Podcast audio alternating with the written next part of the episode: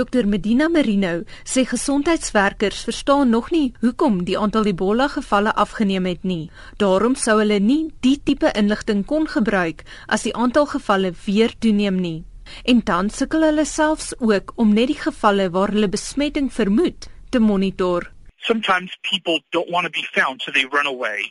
Sometimes they're very scared of the situation, and a contact tracer goes to a person's home. Let's say the father was sick, and there are eight people living in the home the wife, cousin, the grandmother, and then a number of children. So what we've also seen happen is that the quality of contact tracing isn't as good as it needs to be, meaning, let's say they're supposed to see 10 people every day and be able to check temperature and make sure that they're not symptomatic. Well, what happens is sometimes the family will hide individuals because they're already becoming sick and they're too scared to release them to treatment. Medina Marino was in Julie 2014 in Liberia en het toegesien hoe die aantal Ebola-gevalle stelselmatig styg. MSF het toe 'n beroep op die internasionale gemeenskap gedoen om meer hulpbronne te bewillig vir die stryd teen die epidemie.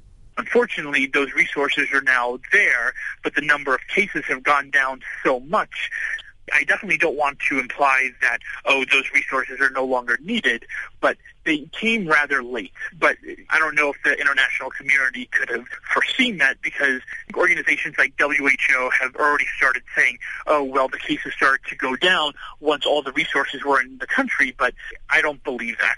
Maar Medina Marino is vol lof vir MSF se werk.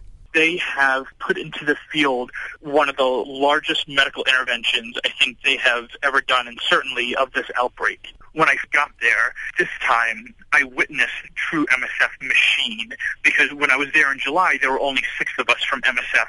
And now there were about 60 expats and more than a thousand national staff and the medical facility that MSF put up was not only impressive, I have to say, but it just gave a lot of hope that people will now have access to proper medical care and treatment if they have Ebola. But there's so much that kind of medical scale up is going to do because it's not only having these treatment centers that are needed, but there's the larger public health intervention and response. And that larger public health intervention response is still being hindered by poor coordination.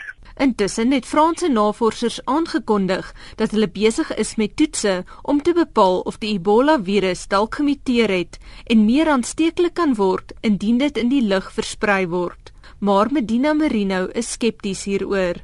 I don't know enough about the science of the Ebola virus mutating and what those mutations mean. All of these type of viruses, it's an RNA virus, will mutate. It's not like, just to give a South African context to it, it's not like when speaking about HIV virus mutating where people are on drugs and then the virus mutates and then they become resistant to all the drugs and then they have to completely change their drug regimen. There's no drugs for Ebola, so it's not like Ebola is mutating so that it becomes resistant to those kind of drugs. Die epidemioloog Andrew Medina Marino en is Anne Marie Jansen van Vuren in Johannesburg.